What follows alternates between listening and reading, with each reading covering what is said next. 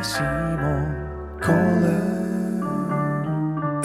Hallo, wat leuk dat je luistert naar deze podcast. Mijn naam is Simon Keizer en mijn hobby is schrijven.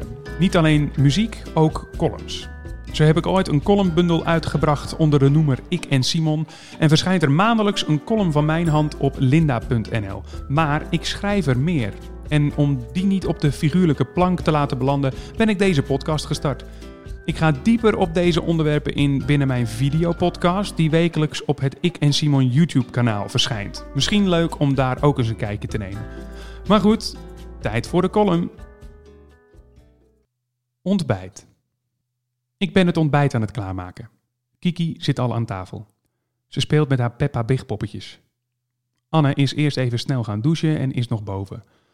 Voor mezelf maak ik twee boterhammen met hagelslag klaar. Ik ben er niet trots op, maar dat eet ik bijna elke ochtend. Vandaag eet ik daarnaast ook nog een onsje kipfilet in plakjes uit het vuistje. Ik wil pindakaas in mijn blootje, zegt Kiki.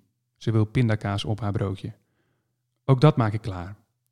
Ze praat gewoon. Niet te geloven. Ze is 2,5. Ik moet nog wennen aan het feit dat ze er überhaupt is. En ze praat gewoon. De tijd vliegt. Cliché, helemaal waar. Maar het krijgen van een kind blijkt een meetlat te zijn waarlangs dat gegeven griezelig duidelijk wordt. Terwijl ik het broodje pindakaas in acht stukjes snijd, zie ik opeens weer voor me hoe ze begon te kruipen.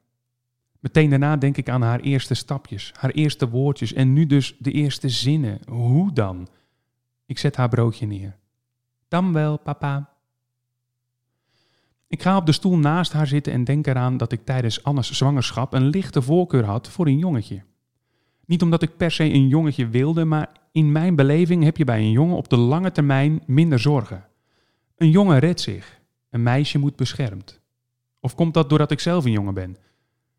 Ik open het onsje kipfilet, rol een plakje op en stop het in mijn mond. Alles onder streng toezicht van Kiki.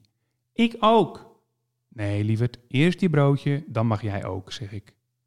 Kiekje stopt nog een stukje brood met pindakaas in haar mond. Ze verhoogt haar kou-tempo, want ze is dol op kip. Ik denk verder waar ik was gebleven. Stel je toch eens voor dat ze richting de puberteit beweegt. Haar eerste vriendje. Het toetertje van de scooter met daarop dat vriendje. Zij achterop, jij achter het raam. Daar gaan ze. Help. Nee, dan andersom.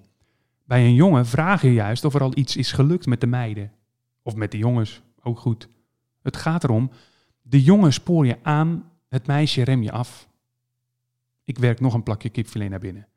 Kiki houdt het nauwlettend in de gaten. Wat een dametje is ze al. Ik ben mijn gedachten nu helaas niet meer de baas. Ze gaan hun eigen gang. Ze laten me denken aan dat moment waarop Kiki vragen zal gaan stellen over anticonceptie.